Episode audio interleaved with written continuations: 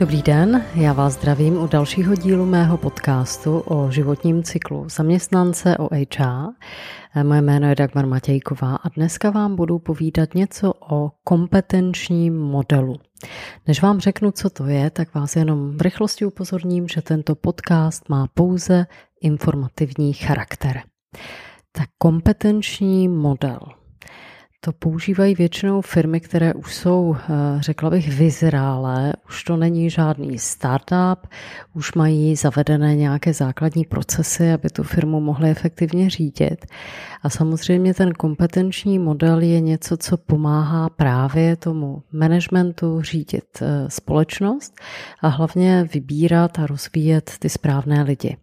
Protože samozřejmě my, když máme zaměstnance, my, když je hledáme, anebo je potom dál chceme rozvíjet, chceme, aby jsme byli úspěšná společnost, aby ti zaměstnanci nám pomáhali ty naše peníze vydělávat, protože eh, jako asi těžko budeme vydělávat hodně peněz nebo prodávat nějakou službu nebo produkt, když budeme mít nekvalitní zaměstnance. Takže to je proto potřebujeme si nejdřív určit, co jsou ty naše základní kompetence, jak by ty naše vysnění zaměstnanci měli vlastně vypadat.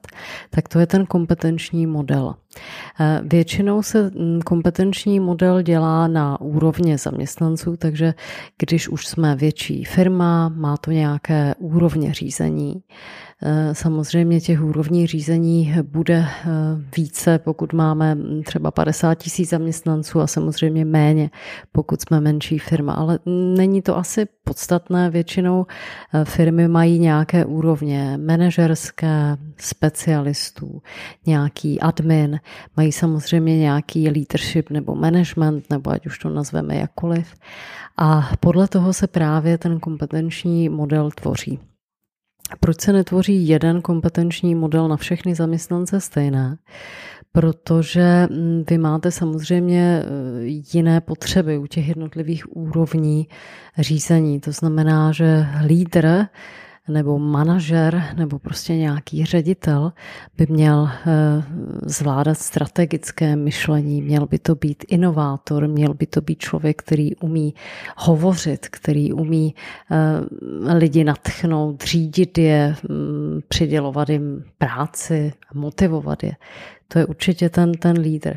Ale úplně třeba u nějakého člověka, který bude vám zadávat do počítače nějaké mm, třeba řekněme faktury, tak jako tam nepotřebujete, aby měl strategické myšlení nebo aby, aby uh, tam motivoval lidi, protože stejně nebude mít žádné potřízené a, a tak to prostě je. Takže eh, je dobrý, když se na ten kompetenční model podíváme z poselsku, bych to nazvala, já tomu říkám, že není vhodné chodit na vrabce s kanónem, protože to nám nepomůže, ale ten kompetenční model by měl mít eh, hlavu a patu, měl by právě nám říct, jakého zaměstnance, jakého manažera, jakého lídra hledám, ale ono to není jenom o tom hledání, protože on nám neslouží ten kompetenční model primárně při náboru, ale on nám slouží eh, v takzvaném celém životním cyklu zaměstnance, takže já už bych eh, si měla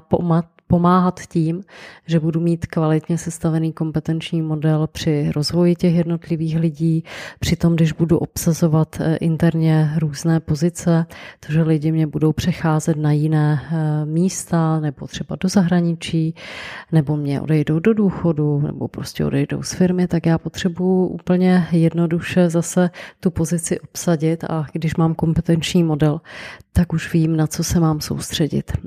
Určitě je to dobrá věc. Jak to nastavit? No, nastavuje se to tak, že většinou si pozvete někoho takového, jako, jaký jsem, jako jsem já, to znamená člověk, který je nestraný a který má samozřejmě tu expertízu, ví, jakým způsobem se to dá nastavit.